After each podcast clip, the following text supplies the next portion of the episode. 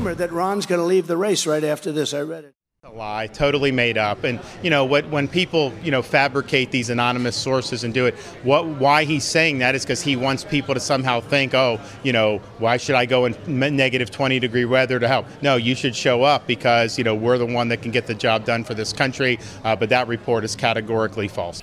Chris Christie's a friend, but his race is at an absolute dead end. He's going to say anything he can. This is a two person race, right? It's between Trump and Nikki Haley. Everyone understands that. Chris is only talking about Trump. That's it. That's well, he, he's kind of a one man show. And I know he says he wants to stay in the race to speak the truth about Trump, but that translating to votes in a primary is a very different thing. Well, that's when you know in politics that someone's going to knife you in the back is when they start off. Yeah, always. Oh, he's my good friend, yeah. you know. Um, and so, to anybody who you know talks about the race should be one on one, like Chris Sununu, if there was someone else other than me who had been willing to take on Donald Trump and tell the truth about him, I might consider getting yeah. out of the race. But there isn't.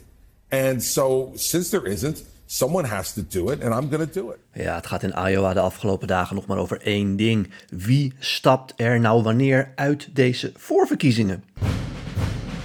Ja, dat is ook logisch dat het daarover gaat, want dat is natuurlijk ook wel een beetje waar het hele systeem van die voorverkiezingen voor bedoeld is. Je gaat van staat naar staat naar staat. En ja, des te meer staten je afgaat, des te meer kandidaten er afvallen. In dit geval zijn er al heel veel kandidaten afgevallen. Het Republikeinse speelveld was ook niet zo heel groot. Had alles met Donald Trump te maken. Maar bij normale voorverkiezingen kun je wel eens nou een stuk of twaalf uh, kandidaten hebben, waarvan er vier tot zes echt kans hebben om te winnen. En nou ja, eer je dan Iowa gehad hebt, New Hampshire en South Carolina, dan zijn er nog maar een paar van die kandidaten over. En op een gegeven moment komt dan in maart Super Tuesday. Dat is dit jaar ook weer het geval. Dan gaan er heel veel staten tegelijkertijd in die voorverkiezingen voor een presidentskandidaat stemmen. Nou, dan heb je eigenlijk een soort landelijke voorverkiezingen en dan is meestal toch wel duidelijk wie de kandidaat wordt. Niet altijd. Bij Barack Obama en Hillary Clinton ging het een lange tijd door. De vorige keer bij Trump is het ook vrij lang doorgegaan. En dat kan dit jaar ook. Uh, tenzij Trump natuurlijk in Iowa, in New Hampshire, in South Carolina en op Super Tuesday heel veel staten wint. Ja, en dan stappen alle kandidaten uh, vanzelf uit de race. Omdat er dan niks meer te halen valt en ook om verder gezichtsverlies te voorkomen. Nu gaat het natuurlijk ook al over het feit uh, of uh, DeSantis uh, of Chris Christie, die krijgen de meeste vragen daarover wel of niet in de race moeten blijven. Kijk, je hebt eigenlijk behalve Trump nog vier andere Republikeinse presidentskandidaten: Nikki Haley, Ron DeSantis, Chris Christie en Vivek Ramaswamy. Die laatste krijgt vrijwel geen aandacht meer. Uh, wel op sociale media veel, maar uh, in de media een stuk minder. En mensen zien ook dat hij in de peilingen in geen één staat echt heel erg hoog scoort. Dus uh, ja, normaal gesproken zou er dan een oproep zijn tegen hem van stap op. Maar mensen negeren hem een beetje, dat merk je. dan zijn er naast Trump nog drie serieuzere kandidaten, noem ik ze maar even. Nikki Haley, DeSantis en Chris Christie. En die uh, en van die drie krijgt Nikki Haley, omdat ze nu een enorm momentum heeft in de peilingen, met name in New Hampshire, krijgt die vraag niet. Maar DeSantis en Christie krijgen die vraag wel, namelijk, uh, moet je niet opstappen? Waarom doe je nog mee? Uh, beide kandidaten hebben hun campagne volledig gericht op één staat en om, om die staat eigenlijk te gebruiken als een soort katapult. Dat kan natuurlijk ook bij dat systeem van voorverkiezingen. Je scoort heel goed, je hebt het momentum, je hebt een week lang alle media-aandacht en vervolgens ga je uh, wat meer aandacht besteden aan de staat daarna, waar je eigenlijk tot nu toe nog weinig aandacht aan hebt uh, besteed. Voor Ron DeSantis is die staat Iowa. Want even terug te gaan op de fragmenten die we gehoorde, gehoord hebben in het begin. Je hoorde allereerst Trump. En die weet ook dat men zegt, hè, Ron DeSantis heeft alle 99 counties, zeg maar provincies van Iowa bezocht. Die heeft eigenlijk alleen maar campagne gevoerd in Iowa. Hoopt daar hoog te scoren. En dat vervolgens door te vertalen naar andere staten. In die andere staten is hij nog vrijwel niet geweest. Hij is alleen maar in Iowa geweest. En Trump weet ook dat het daar moet gebeuren. En de peilingen zien er niet goed uit. Uh, Trump uh, staat geloof ik 30 punten voor op uh, DeSantis. DeSantis staat op 15, 20 procent soms. Trump op 50 procent. Nou, al zou dat resultaat van Trump tegenvallen en DeSantis zou een stuk hoger scoren dan nog verliest hij flink en moet hij de week daarna naar New Hampshire, waar hij vrijwel geen tijd en energie in heeft gestoken. Hè. Eh, vrijwel geen campagnespotjes, vrijwel geen organisatie. Het is er allemaal wel, er zijn spotjes, er is een organisatie, maar het is van een heel laag niveau. Dus ga dan nog maar eens vanaf nul uh, beginnen.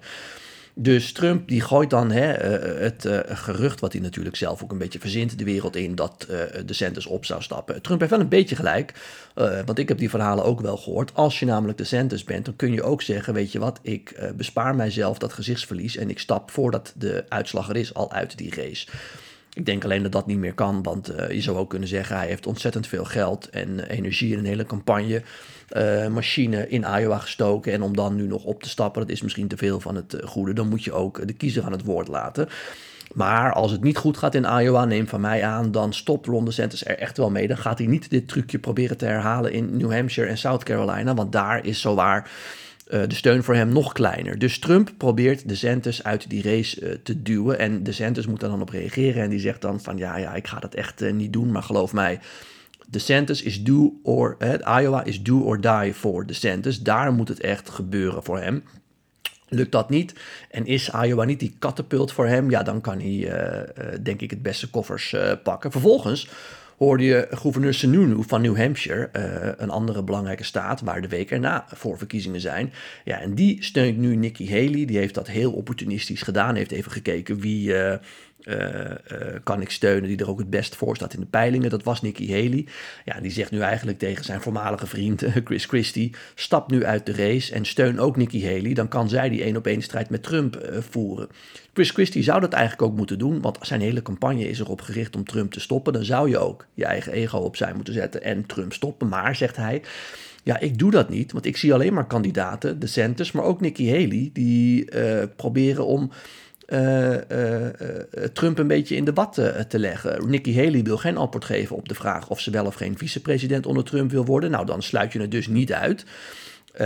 en ook de Santos is ja, toch een beetje soft wat betreft zijn kritiek op Trump. Dus zegt Chris Christie, als een van die twee kandidaten uh, Trump keihard aan zou pakken en zijn leugens zou benoemen voor wat ze zijn, dan zou ik opstappen. Maar dat doen ze niet en dus ga ik gewoon door.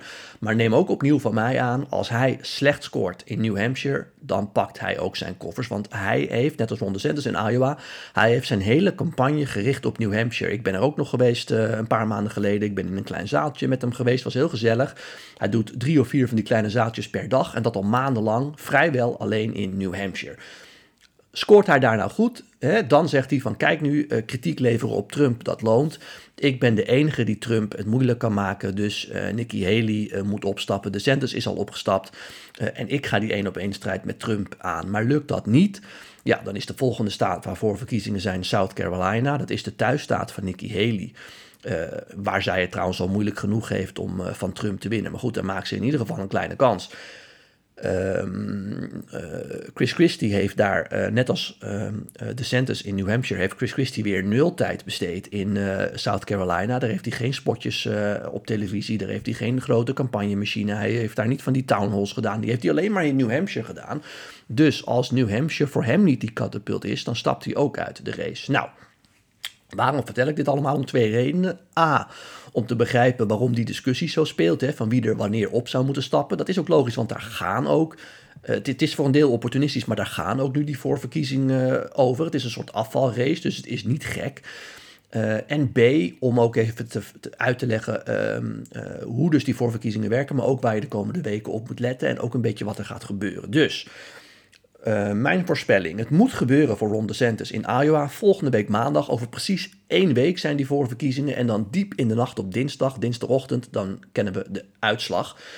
Ja, en als dat niet goed is voor Ron DeSantis, dan is DeSantis echt uh, uh, exit. Zou mij ontzettend verbazen als dat niet zo is. Vervolgens gaat het circus naar New Hampshire. Daar moet het gebeuren voor zowel Nikki Haley als Chris Christie. Maar vooral voor Chris Christie, die eigenlijk alleen maar daar campagne heeft gevoerd. Lukt dat allemaal niet voor hem daar, stapt ook hij uit de race. Nou, en dan gaan we naar South Carolina en hebben we een tweestrijd Trump-Haley. Als dat lukt, als vervolgens in South Carolina Nikki Haley in haar eigen staat, in haar thuisstaat, niet van de grond komt en Trump verslaat haar daar met redelijk ruime cijfers, ja, dan kan zij ook niet veel anders als misschien nog eventjes voor de sier blijven hangen, maar dan is het spel wel gespeeld. Dat hoeft niet zo te gaan, maar het kan zo gaan. Uh, en mocht je dus zitten te luisteren en denken, wordt het nog spannend, kan iemand Trump nog aanpakken? Nou, dan moet dat met dit scenario zijn.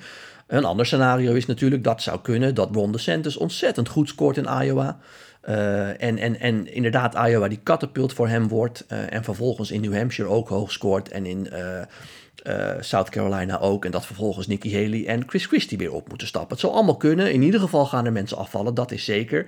En één ding is zeker, over precies een week dan weten we of uh, nou, over precies een week en nog een paar uurtjes, dan weten we of Ron DeSantis voldoende lucht nog heeft om uh, in de race te blijven. Of dat hij zijn campagne opschort na een dramatisch verlies in Iowa. We gaan dat allemaal meemaken. Goed, tot zover wat je wat mij betreft even moet weten. Dan naar jullie vragen. Die hebben jullie ingestuurd weer via Twitter, Instagram en LinkedIn. Ja, ik begin met Jesse. Die vraagt: Hey, hoe denk je over de claim van Vivek dat Nikki corrupt is? Ja, moet ik even uitleggen. Uh, Vivek Ramaswamy die zegt dus dat Nikki Haley corrupt is. Um, ja, wat denk ik daarvan, Jesse? Ja, ik denk dat dat een typische Trump-claim is die bij veel kiezers ook wel goed landt. Maar uh, ja, wat is corrupt? Ik denk niet dat zij corrupt is. Wat, wat zij heeft gedaan is, zij heeft na haar politieke carrière uh, als gouverneur van South Carolina en later als ambassadeur van Trump bij de Verenigde Naties, ja, is zij in allerlei besturen gaan zitten voor grote bedrijven en daar heeft ze heel veel geld mee verdiend. Vivek zegt, wat Trump natuurlijk ook altijd over uh, dergelijke acties zegt, van ja, daarmee ben je corrupt, want je krijgt geld van die bedrijven, die willen daar natuurlijk wat voor terug, je hebt allerlei connecties en dat maakt je corrupt. Uh, zij is per definitie daardoor niet corrupt, vind ik, maar dat is zijn strategie en dat is een typische Trump-strategie, dus ik denk dat het slim is en dat hij ook die strategie moet voeren, maar dat wil niet zeggen dat ik denk dat zij corrupt is.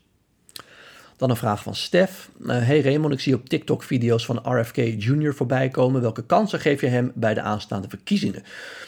Uh, nou, Stef, uh, goede vraag. Ik denk namelijk, zoals ik het nu bekijk, dat uh, Kennedy een belangrijke, essentiële rol gaat spelen bij de verkiezingen. Maar of hij gaat winnen is natuurlijk een tweede, dat denk ik niet.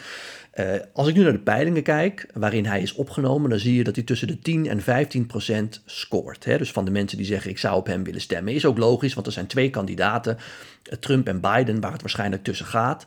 En want daar gaan die peilingen over. Hè? Als, als het een andere kandidaat wordt bij de Republikeinen of zelfs bij de Democraten, dan acht ik zijn kansen een stuk kleiner. Maar wordt het weer Trump en Biden, dan geloof ik ook echt wel dat heel veel mensen zeggen van ja, dan ga ik voor iemand, een echte buitenstaander.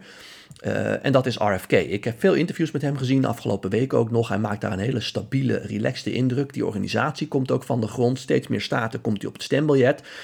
Ik denk dat hij best hoge ogen kan gooien. Uh, en dus inderdaad zo'n uh, misschien wel 10% van de stemmen kan halen. Ik denk niet dat hij kan winnen. Uh, mijn stelling is altijd dat twee partijenstelsel in Amerika zit zo muurvast. het is Coca-Cola of Pepsi, meer smaken zijn er niet wat betreft nou, het presidentschap bijvoorbeeld. Het moet echt een van die twee grote kandidaten worden. Maar als Kennedy 10% haalt of zoiets, dan kan hij wel uh, uh, een belangrijke rol bij die verkiezingen spelen, omdat hij dan de uitslag beïnvloedt. Bijvoorbeeld, en dat blijkt nu ook uit de peilingen, dat hij meer stemmen van Biden weghaalt dan bij Trump. Als je kijkt naar die peilingen waarin hij op 10, 15% staat, dan zie je dat Biden ongeveer 35% van de stemmen haalt en Trump rond de 38, 39. Dus hij pakt meer stemmen bij Biden weg dan bij Trump. Is ook logisch, want Kennedy is een democraat. Uh, ik denk als die peilingen zo blijven overigens, dat Liz Cheney uh, het toch echt aan haar stand verplicht is om ook een onafhankelijke campagne te starten. Want er moet iemand zijn die dan ook stemmen bij Trump wegsteelt. Hè. Dat is toch een beetje de rol van die onafhankelijke kandidaten, die derde, vierde en vijfde partijen in Amerika. Die, die opereren als een soort spoilers. En ik denk dat dat, als je Trump echt zou willen stoppen, uh, dan moet je een conservatieve kandidaat erbij zetten die stemmen van Trump uh, weg kan snoepen. Zeg maar republikeinen die liever niet op Trump willen stemmen, maar het echt niet over hun hart kunnen verkrijgen om op Biden te stemmen. Dan heb je echt zo'n onafhankelijke conservatieve kandidaat uh, nodig, naast Kennedy nog. Dus Kennedy gaat denk ik een belangrijke rol spelen. Ik zie hem alleen niet winnen, maar dat is ook logisch, want geen enkele onafhankelijke kandidaat doet dat echt. En dan tot slot een vraag van Ari. Hi Raymond, uh, heb jij A Storm Foretold al gezien over Roger Stone? Heerlijke docu. Nee, nog niet gezien. Ik heb er wel veel reacties over gehoord, dus ik ga hem nog kijken en dan geef ik mijn recensie. Ik weet wel, er zijn natuurlijk veel docu's gemaakt over Roger Stone. Uh, dat het heel... Uh, hoe zeg je dat, heel erg vermakelijk kan zijn. is natuurlijk een heel erg interessante figuur die al heel lang een belangrijke rol speelt achter de schermen bij de Amerikaanse politiek. En nu ook terecht, hate him or love him, zijn moment of fame krijgt. Goed, dank weer voor jullie vragen. Ik heb er nog een hele lijst uh, staan, maar om er toch een beetje voor te zorgen dat uh, Amerika in 15 minuten ook echt rond die 15 minuten blijft, hou ik die vast en pak ik die dan de volgende keer weer mee. Blijf ze gewoon insturen, kan dus via Twitter, Instagram en LinkedIn. En dan beantwoord ik die weer in een volgende podcast. Tot zover, tot dan.